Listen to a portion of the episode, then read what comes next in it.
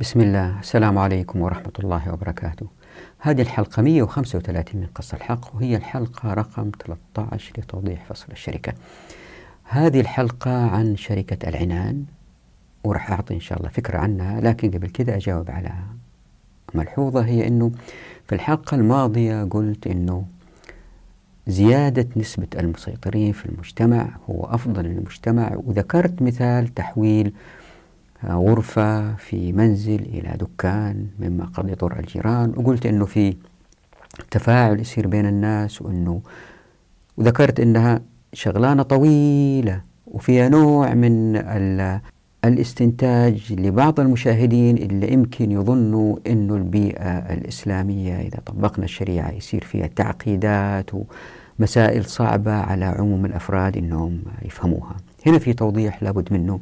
وهو في كتاب عمارة الأرض أنه سواء كان في العمران زي ما وضحت في كتاب عمارة الأرض وسواء كان في الاقتصاد والتنمية زي ما نوضح إن شاء الله في هذه الحلقات أنه زيادة نسبة المسيطرين تؤدي إلى ظهور الأعراف. هذه الأعراف لأنها سهلة وواضحة وبسيطة الكل يرجع لها والكل يعرفها. تطور الأعراف هو اللي يحتاج تدخل عدد أكبر من المسيطرين حتى يظهر العرف إيش يعني عرف؟ مثلا خلينا نقول مثال آه، فتح الدكان على طول الناس يعرفوا أنه إذا كان عرض الشارع مثلا ستة أمتار الدكان مستحيل يتفتح لأنه الشارع ضيق. إذا كان سبعة ثمانية أمتار ممكن يفتح. وإنه إذا كان ستة أمتار وأصر الجار المقابل لأنه عنده بنات مثلا أنه يرفض فتح الدكان الدكان ما يتفتح. إن كان في ساحة مثلا بعيدة. وإذا كانت في ساحة قريبة يمكن الجار المتضرر من الدكان يحتمل هذا الضرر لأنه الساحة قريبة. وبالتدريج هذه الأعراف لها تفاصيل الكل يعرفها في ذهنه فنوجد فرد مجتمع في الأمة واعي للمسائل من حوله سواء كانت عمرانية أو اقتصادية الآن بالأنظمة والقوانين الناس مجهلين الناس جاهلين بسبب هذا التجهيل لأنه ما في يدهم الحق في اتخاذ القرار. القرار دائما في يد السلطات وبالتالي نزعت هذه الأعراف وليست موجودة وحل محلها الأنظمة والقوانين اللي يضعوها الخبراء. والخبراء ما هم جالسين في الموقع. فمهما كانت شهاداتهم ومقدراتهم وإمكانياتهم هنالك مسائل يجب ألا تترك للعلماء. ليه؟ لأنه هذه ترتبط بالناس وحالهم في الموقع. الشريعة تجعل هذه المسائل اللي هي عمرانية اللي هي اقتصادية اللي هي بيئية تدفعها إلى أنها تصبح أعراف. وعندما تصبح عرف الكل يفهمها ويعرفها من غير ما يفهم أسباب هي كيف ظهرت أو أسباب تاريخها. وهذا فرق جذري عن الأنظمة والقوانين التي توضع وما نعرف مآلاتها أو ما نعرف تراكمات هذا القرار بعد عدة أجيال. لأن الأنظمة والقوانين في الغالب تكون شيء كبير. بينما الأعراف تأتي من تراكم الأشياء الصغيرة في الموقع وبالتدريج تصبح عرف كبير الكل يحترمه والكل يتمسك فيه. عندها تكون الحياة سلسة جدا جدا جدا جدا. وهذه الأعراف تتغير وتقفز إن أتى شخص بفكرة جديدة تخالف الأعراف عندها هذا الابتكار الجديد هو تحت مظلة قبول الناس. إذا كرروا وأعادوا إنتاجه مرة أخرى بنوع من التحسين عندها هذا العرف أو هذا الابتكار يكون جزء من العرف. أو إذا كان الناس رفضوه والناس ما كرروه وأكيد الناس ما كرروه لأنه في إشكالية في هذا الابتكار وبالتالي هذا الابتكار يخرج من العرف ويصير شيء مرفوض من قبل المجتمع. وبكذا أوجدنا مجتمعات خارج تسلط السلطات الحاكمة إلا يمكن أنظمتها وقوانينها تستغل أو يرشوا المسؤولين الناس المستفيدين منها ناهيكم عن التقييد لأفراد المجتمع. فالعراف تجعل أفراد المجتمع دائما في انطلاق دائما في المزيد من الابتكارات دائما حتى يضيفوا الأعراف دائما في المزيد من العطاء لأن أبواب الموارد مفتوحة أبواب التمكين مفتوحة أقصد في الموارد والمفاقات والمعرفة. والآن لإعطاء فكرة عن هذه الحلقة. إذا لاحظتوا في الحلقات الأخيرة أنه في كل حلقة في نوع من أنواع الشراكات كنت أركز على مسألة أسلط عليها الضوء. فمثلا في شركة الوجوه قلنا أنه هي أداة لمحق الاحتكار وأنها أداة تؤدي إلى نقل البضائع من غير الضمانات البنكية ومن غير التسلط الخارجي. وفي شركة المضاربة قلنا أنها تزيد نسبة المسيطرين في المجتمع. وفي شركة الأبدان قلنا أنها لا تؤدي إلى وصول الأقل رشدا إلى مراكز الاستراتيجية في الاقتصاد من غير قهرهم ماليا. وفي هذه الحلقة راح نركز على مسألة مهمة ألا وهي أنه وتحدثنا عنها سابقا سريعا في التاريخ والمقدس في التوضيح السابع وقلنا إنه فقهاء الشريعة لأنهم بيرجعوا رضوان الله عليهم للقرآن الكريم والسنة المطهرة وبيستخدموا القياس بيستخدموا القياس للوصول إلى أحكام برغم اختلافاتهم بين بعض إلا هم إنهم في دائرة واحدة ما يخرجوا عنها. ففي هذه الحلقة في الحديث عن شركة العنان واللي هي شراكة الواحد يمكن يعتبرها الأيام هذه خلينا نقول مجموعة أفراد جو اشتركوا مع بعض يبغوا ينقلوا أثاث يسووا مؤسسة صغيرة لنقل الأثاث آه، من مكان إلى آخر وهؤلاء واحد يجي بعضلاته مثلا آه، يقدر يشيل واحد يجي بسيارته واحد يجي بمهارته في تفكيك الدواليب لأنه نجار يقدر يفكك الدواليب يفكر الأجهزة ويطبقوها يغلفوها وينقلوها بعدين ارجع ركبها هناك. فتحتاج للتعاون بين مهارات مختلفة. عندما يدخل الشراكة في إشكالية تقويم الأشياء اللي دخلوا فيها. مثلا واحد دخل بسيارته وبعد فترة السيارة تقدم. طيب كيف يفسخوا هذا العقد إذا كان واحد منهم حاب يخرج من هذه الشراكة؟ كيف تقوم السيارة؟ آه مثلا يبغوا يسووا مصنع لصناعة أجزاء معينة للسيارات مثلا أو يبغوا يوجدوا آه يحفروا منجم لاستخراج نوع من المعادن. فيجمعوا أموالهم لشراء بعض المعدات وبعضهم يشتغلوا بأياديهم بعضهم عندهم خبرة في هذه المسألة. التقويم يختلف. منها يعني أموال بتدخل دنانير دراهم آه، الأيام هذه مثلا نقدر نقول دولارات ريالات. جنيهات فأموال بتدخل في الشركة والأموال هذه قيمتها بتطلع بتنزل مقابل الذهب. زائد بعض الناس بيدخلوا بمعداتهم مثلا واحد كان شغال في شركة نقل وكانت عنده سيارة أو اشترى السيارة من شركة النقل هذه اللي باعتها بالمزاد العلني اشتراها وجاي يبغى يشارك واحد داخل بمعرفته اللي هي كيف تقدر في الشراكة.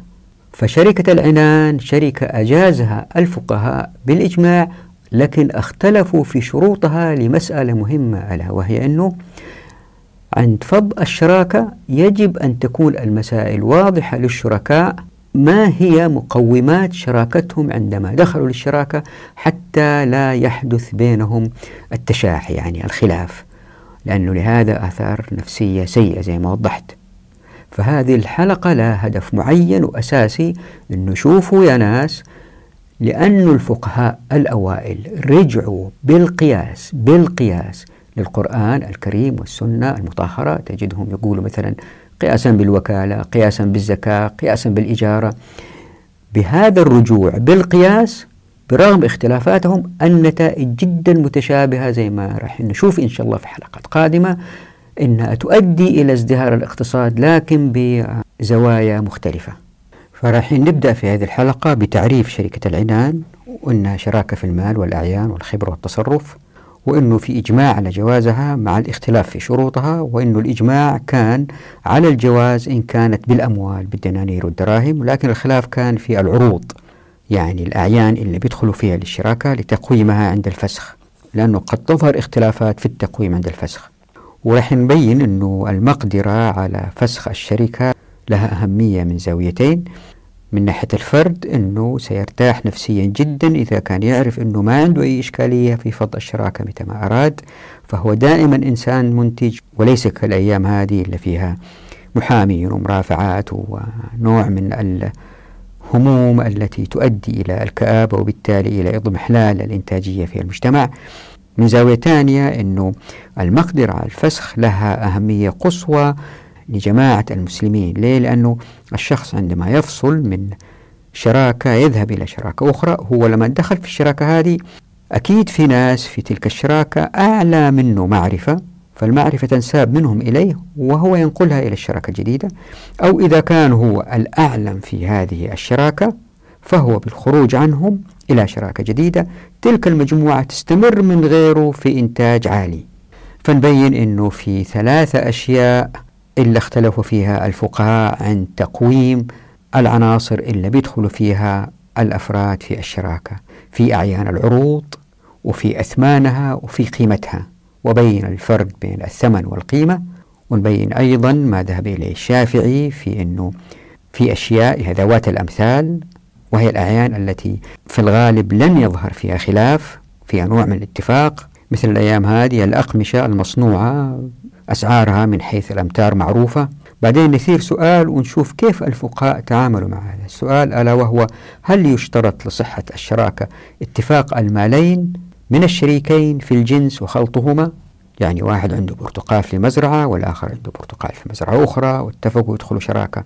هل لازم يخلطوا البرتقال مع بعض ولا ما في داعي كل واحد يبيع من جهته؟ مع استخدام نفس معدات النقل وأجهزة التقطيف مثلا فالمهم في هذه الحلقة هو التأكيد على أنه الفقهاء برغم اختلافاتهم لأنهم رجعوا للقياس وهذه راح نشوفها في الحلقة القادمة.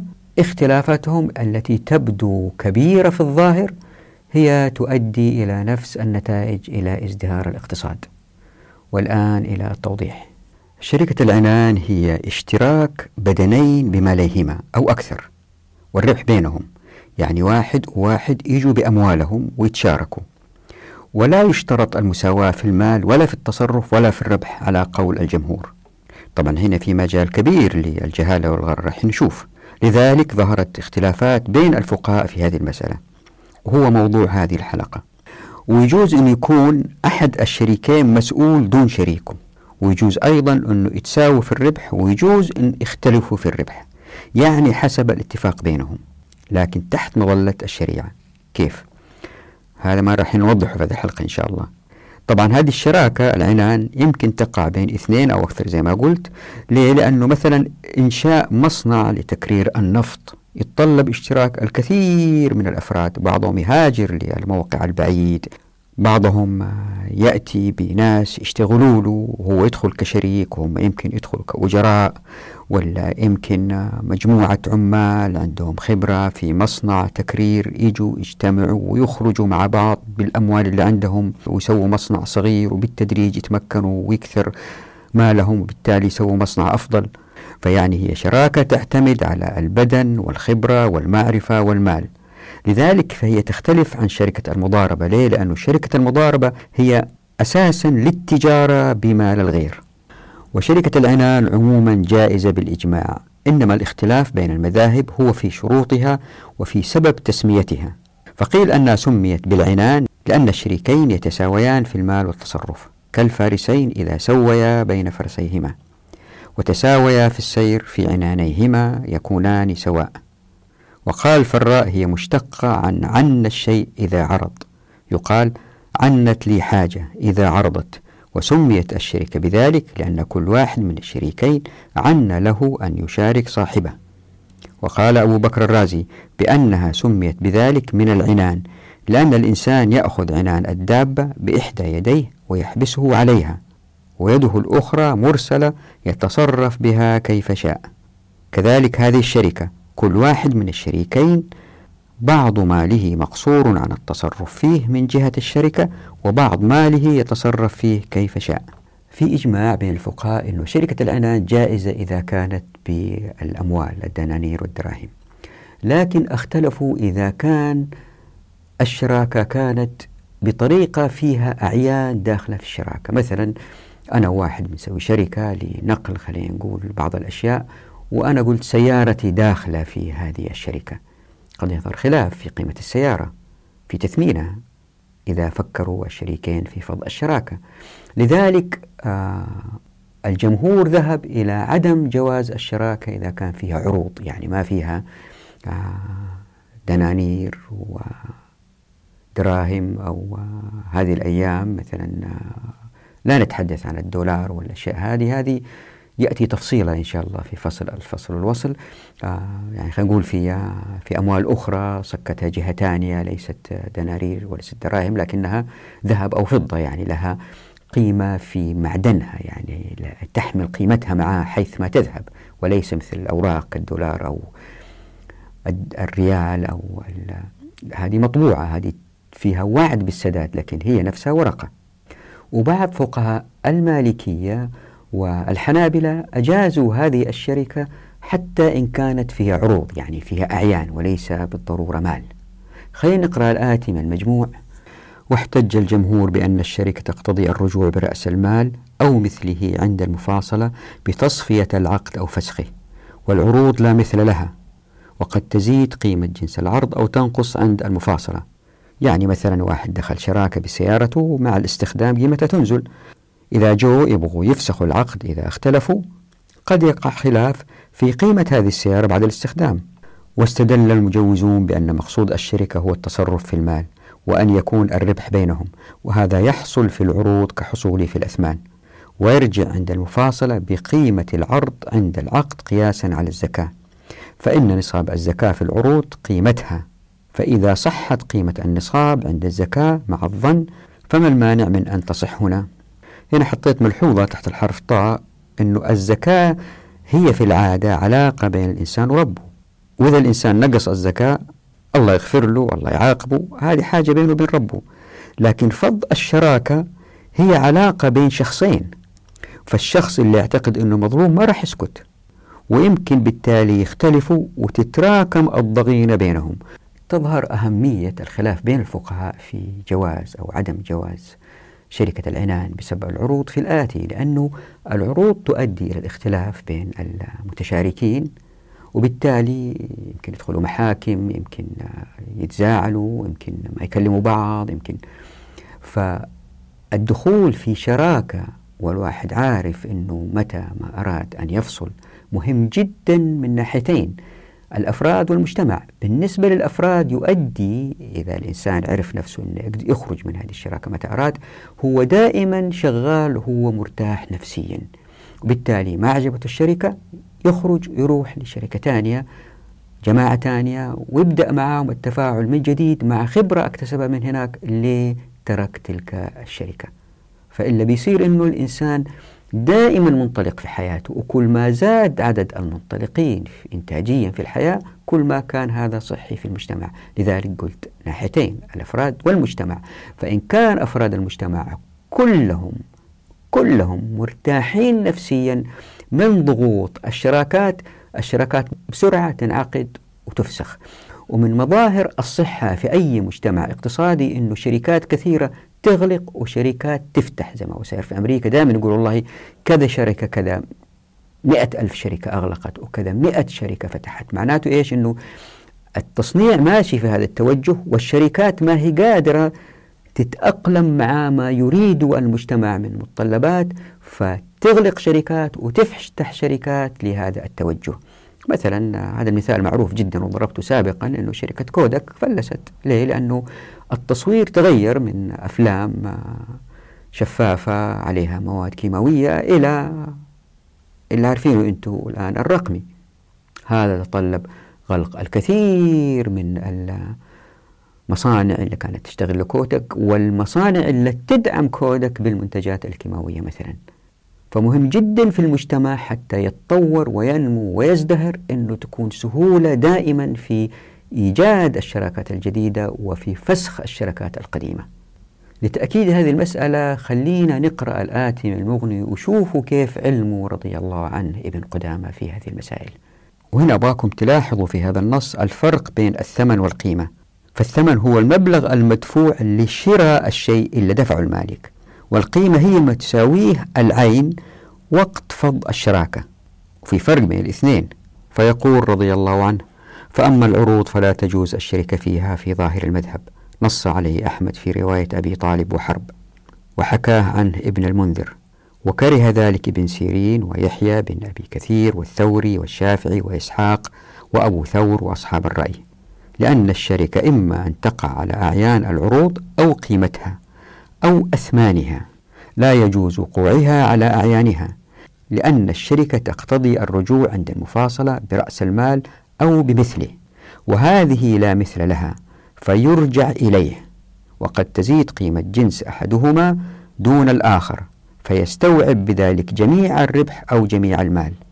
مثلا إذا نضرب مثال غريب يعني هذه الأيام بعض اللوحة الفنية قيمتها تزيد فإذا اشتركوا اثنين بلوحة فنية على إيجاد شركة مثلا وفي لوحة يملكها واحد منهم ودخل فيها شراكة طلعت بالملايين.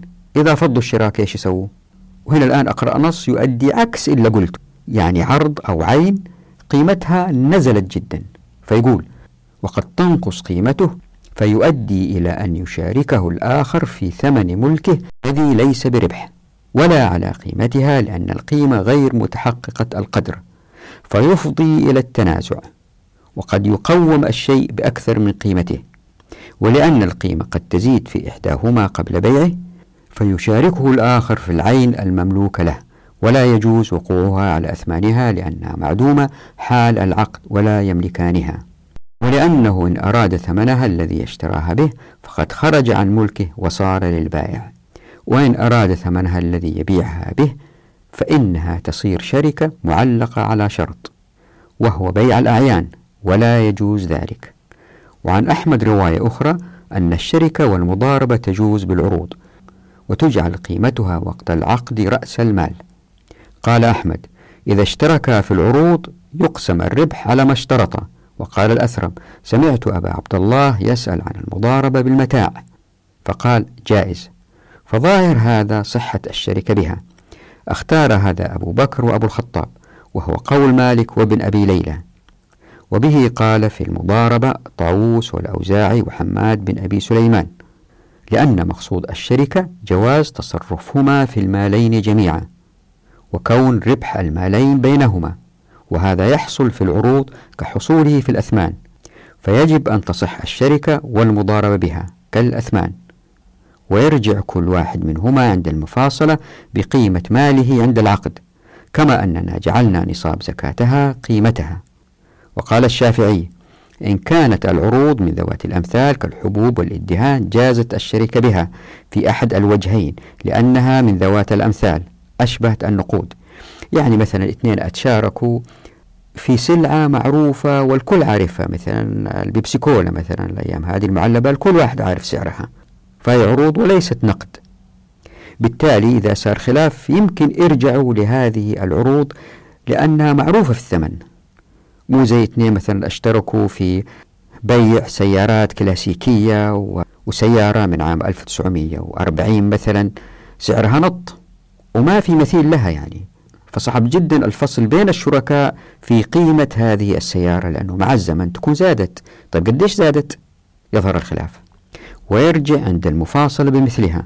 وإن لم تكن من ذوات الأمثال لم يجز وجها واحدا لأنه لا يمكن الرجوع بمثلها. ولنا أنه نوع شركة فاستوى فيه ما له مثل من العروض وما لا مثل له كالمضاربة. وقد سلم أن المضاربة لا تجوز بشيء من العروض ولأنها ليست بنقد فلم تصح الشركة بها كالذي لا مثل له. وبالنسبة للمالكية ابن القاسم أجاز الاشتراك في صنفين من العروض أو في عروض ودراهم أو دنانير. وقد أفاد ابن رشد أنه قيل أن مالكا كره ذلك. وسبب الكراهة هو اجتماع الشركة فيها والبيع وذلك أن يكون العرضان مختلفين كأن كل واحد منهما باع جزءا من عرضه بجزء من عرض صاحبه الآخر. ومالك رضي الله عنه يعتبر في العروض إذا وقعت فيها الشركة القيم وليست الأثمان في حين أن الشافعي رضي الله عنه يقول لا تنعقد الشركة إلا على أثمان العروض وحكى أبو حامد الأسفرايني أن ظاهر مذهب الشافعي يشير إلى أن الشركة مثل القراض لا تجوز إلا بالدراهم والدنانير. قال والإشاعة فيها تقوم مقام الخلط. ويمكن لاحظت في النص الموجود هنا في الشاشة وفي النصوص السابقة أنه كان في قلق من الفقهاء على ضرورة ابتداء الشراكة بطريقة لا تؤدي إلى تعقيدات عند فض الشراكة. يعني اثنين أو أكثر يجوا ويتشاركوا يجب أن تكون الأمور واضحة لهم حتى لا تقع الإشكاليات مستقبلا. مثلا قال الفقهاء بعدم الجواز في العروض لأنه لا مثل لها وبعدم الجواز على قيمتها لأن القيمة إن عرفت فهي تقديرية وأن القيمة غير متحققة القدر أي لا تتحول لسيولة نقدية. أما الأثمان فهي مفقودة حال العقد. وجميع هذا قد يفضي للتنازع بين الشركاء وهذا يؤثر في الأفراد عمليا ونفسيا زي ما وضحت وهذا يقلل الكفاءة الإنتاجية في المجتمع. وهذا بعد اجتماعي مهم فالحادث عموما يعني في أكثر الأحوال أنه عندما تبدأ الشراكات الشركاء كانوا دائما عادة يظهرون حسن النوايا للطرف الآخر وهذه تتجسد في أخلاق سامية في التعامل فيما بينهم بحسن الظن وبالذات إذا كان الشريك يحتاج للشريك الآخر لأن الآخر عنده مهارات ما هي موجودة عنده. فكان كل واحد يجامل ويحترم الآخر ويطلع لإنجاز مستقبلي استثماري وما يريد بالتالي أنه يجرح شريكه أو شركائه مثل هذه المجاملات قد تجعل بعض المقدمين على الشراكة يترددوا في تحديد قيم أو أثمان عروضهم بطريقة تنفر الآخرين. فما يناقش هذه المسائل الحساسة اللي يمكن يختلفوا فيها بدقة كبيرة. وبعد ما يبدأوا ويشتغلوا ويبدأ عدم الاتفاق أو يظهر التكاسل من واحد واحد تاني يبغى يفض الشراكة عندها عند الرجوع لهذه العروض في تحديد مكانتها من الشراكة لفض الشراكة قد يقع التشاح. لهذا والله أعلم حرص الفقهاء على تلافي هذه المواقف فالأقوال التي أباحت الشراكة بالعروض وضعت ضوابط لذلك فقد ربطها بعض الفقهاء قياسا على الزكاة بالرجوع لقيمة المال عند العقد متى رغب الشركاء في المفاصلة. وأباح الشافعي رضي الله عنه في أحد الوجهين إن كانت العروض من ذوات الأمثال. وزي ما وضحت أهمية فض الشراكة بسهولة إذا كان اختلفوا الشركاء تأتي من جانبين. تحدثنا عن الجانب الفردي وقلنا الإنسان يكون كئيب وإنتاجه يقل إذا كان مهموم بشريك آخر مو قادر يفض الشراكة وأمواله مربوطة هناك. الجانب الآخر برضو تحدثنا عليه سريعا ألا هو المعرفة من حيث المجتمع. فعندما يتشاركوا اثنين أو أكثر هم ما يتشاركوا إلا لأنهم يحتاجوا بعض. مسألة أنهم يحتاجوا بعض تعني أنه في واحد أو أكثر أعلم من الآخرين. عندما يتشاركوا العلم ينساب أو المعرفة أو الخبرة تنساب من الأعلى للأدنى وهذا الأدنى عندما يأخذها ويمكن يحس نفسه متمكن ومو كسبان كما يجب لأنه عقد الشراكة يعطيه أقل وهو الآن يعتقد نفسه أنه هو أمهر وأحسن وعنده الملكات اللي تمكنه أنه يحصل على فرصة أفضل. يخرج من هذه الشراكة يروح لشراكة أخرى. وبالتالي إذا فكرنا بهذه الطريقة المعرفة دائما تنساب من جهة لجهة لجهة وترفع الكل في المجتمع معرفيا. لذلك فض الشراكة بسهولة مسألة مهمة جدا حتى آه، يزدهر الاقتصاد. مو زي أيامنا الحالية حتى الواحد يفض شراكة يبغى له محامين ومشاكل وروحة وجية. لذلك خلوا بالكم شوف الفقهاء الأوائل الله يرحمهم الله يجزهم الخير. إيش كانوا يقولوا؟ كانوا يخافوا على الشراكة أنها تبدأ وفيها أشياء مجهولة. فحتى لا يقع الخلاف كانوا دائما يحاولوا أنهم يتلافوا ذهاب الناس للقضاء وتتحل المسائل بين الناس بطريقة ودية بطريقة أخوية. أما الآن المحامين سيأتي الحديث عنهم لاحقا لاحقا سيأتي الحديث عنهم وهذول مشكلة في المجتمعات لأنهم حتى يعيشوا حتى يكسبوا لازم تكتر المشاكل. هذه يأتي توضيحها لاحقا. هذه مسألة مهمة جدا وجذرية في الفرق بين الحضارات التي تحكم العقل البشري قاصر والقرآن الكريم والسنة المطهرة. هذا موضوع طويل ويبغى له تفصيل. ولأنه الفقهاء يتبعوا قال الله عز وجل وقال الرسول صلى الله عليه وسلم ما كان في ذهنهم أبدا أنه محامين لازم يكسبوا ولازم تكثر المشاكل حتى تذهب القضاء. هذا القلق لضرورة فض الشراكة متى أراد الشركاء هو قص للحقوق برغم الاختلافات التي تظهر بين أقوال الفقهاء رحمهم الله. فلاحظوا نصوص الإجابة على السؤال الآتي. هل يشترط لصحة الشراكة اتفاق المالين من الشريكين في الجنس وخلطهما؟ أنا اخترت هذا السؤال حتى أبين لكم كيف أن الفقهاء رحمه الله كانوا يلتزموا بالنصوص ذهب مالك إلى أن من شرط مالي الشراكة أن يختلطا إما حسا وإما حكما مثل أن يكونا في صندوق واحد وأيديهما مطلقة عليهما واشترط اشتراك التصرف في المال. وقال أبو حنيفة بأنه تصح الشراكة وإن كان مال كل واحد منهما بيده لأنه اكتفى في انعقاد الشراكة بالقول. وبالنسبة للشافعية فإن اتفاق الجنس شرط لصحة العقد. حتى يختلط المالان فلا يمكن خلطهما إن لم يكونا من نفس الصنف. جاء في شرح المجموع الشركة الصحيحة أن يخرج كل واحد من الشريكين دنانير مثل دنانير صاحبه ويخلطاها فيكونا شريكين. وجملة ذلك أن من شرط صحة شركة العنان أن يكون ما لهما المشترك بينهما من جنس واحد وسكة واحدة. فلا تصح الشراكة إن كانت العملتان مختلفتين. وقال أبو حنيفة وأحمد تصح لأنهما إذا أرادا المفاصلة قوم المتاع بنقد البلد وقوم مال الآخر به ويكون التقويم حين صرف الثمن فيه. لاحظوا هنا الأقواس الصغيرة تعني بداية اقتباس ونهاية اقتباس.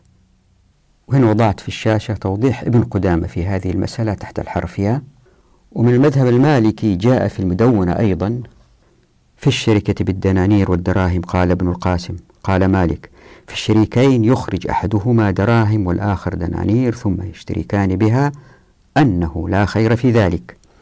قلت ولا تجوز الشركة في قول مالك بالدراهم من عند هذا والدنانير من عند هذا؟ قال لا تجوز عند مالك. قلت وأصل قول مالك في الشركة أنها لا تجوز إلا أن يكون رأس مالهما نوعا واحدا من الدراهم والدنانير. قال نعم.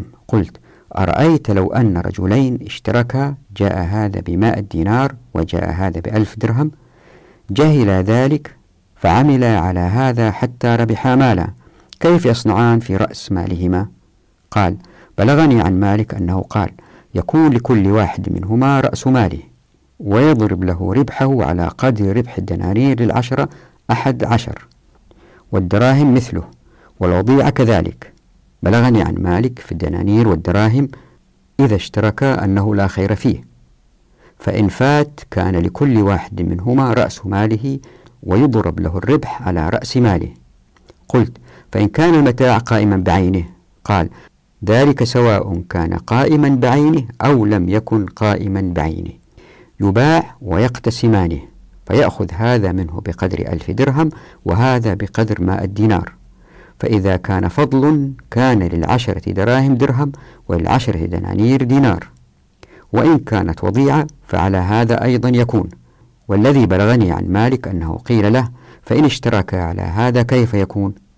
قال يكون لهذا رأس ماله من الذهب ولهذا رأس ماله من الدراهم ثم يقتسمان الربح على العشرة أحد عشر. للدراهم للعشرة دراهم درهم وللدنانير العشرة دنانير دينار. وهنا زي ما أنتم شايفين في الشاشة وضعت تكملة اللي جاء في المدونة الكبرى. هو نص شوية طويل طبعا ما في داعي نقرأه. يعني حتى لا يقع خلاف. بعد ما يأخذ رؤوس أموالهم صاحب الدراهم يأخذ دراهمه وصاحب الدنانير يأخذ دنانيره. يبقى فائض. يبدأوا يقسموها بالتدريج. صاحب الدنانير يأخذ دينار على رأس ماله وصاحب الدراهم يأخذ درهم على رأس ماله. وبعدين يصير في فائض. ونفس الشيء استمروا. هي طريقة واضحة سهلة للحساب للناس اللي ما عندهم خلفية كبيرة في الرياضيات. يعني شوف كيف وضعوا المسألة بطريقة سهلة جدا لأي واحد يفهمها. والشافعي رضي الله عنه أشترط زي ما مر بنا خلط المالين لصحة الشراكة. وسبب عدم جواز الشراكة بالنسبة للشافعي إن لم تخلط هو أنه في حال تلف المال دون خلط فإن مال كل واحد منهما يتلف منه دون صاحبه أو يزيد له دون صاحبه. فلم تنعقد الشركة كما لو كان من المكيل. والمطيعي اللي كمل كتاب المجموع بيوضح المذهب قائلا دليلنا أنهما مالان يتميز أحدهما عن الآخر فلم تصح الشركة عليهما كما لو كان حنطة وشعيرة أو كما لو لم تكن يدهما على المالين. ولأن لو صححنا عقد الشركة قبل الخلط لأدى إلى أن يأخذ أحدهما ربح مال الآخر لأنه قد ربح مال أحدهما دون الآخر. وابن قدامة بيوضح هنا زي ما شايف الشاشة مذهب المخالف ويقول ولنا أنه عقد يقصد به الربح فلم يشترط فيه خلط المال كالمضاربة ولأنه عقد على التصرف فلم يكن من شرطه الخلط كالوكالة وعلى مالك فلم يكن من شرطه أن تكون أيديهما عليه كالوكالة. وقولهم إنه يتلف من مال صاحبه أو يزيد على ملك صاحبه ممنوع بل ما يتلف من مالهما يعني هو من مالهم وزيادته لهما لأن الشركة اقتضت ثبوت الملك فكل واحد منهما في نصف مال صاحبه فيكون تلفه منهما وزيادته لهما.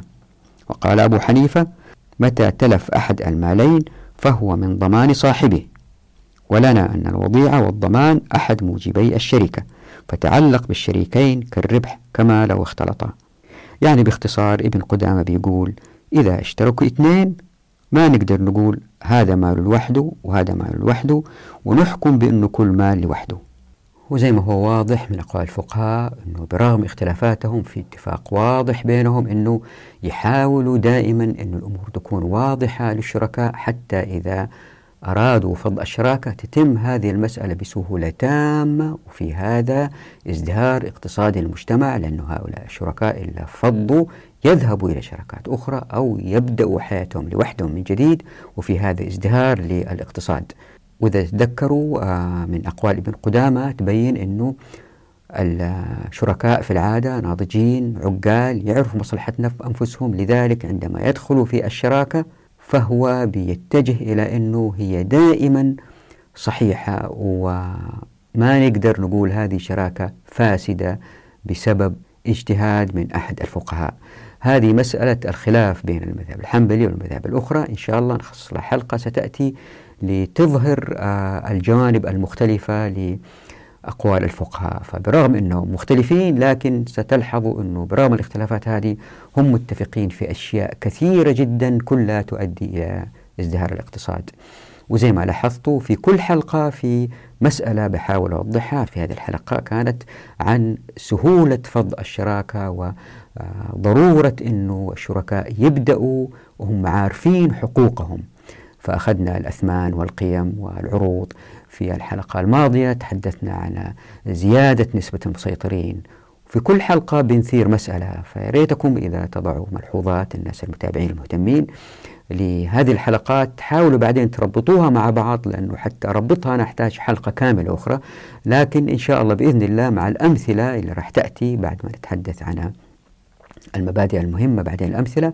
ستروا كيف أنه الشريعة تؤدي إلى ازدهار الاقتصاد حتى في ظروفنا الحالية أفضل من العقل البشري القاصر.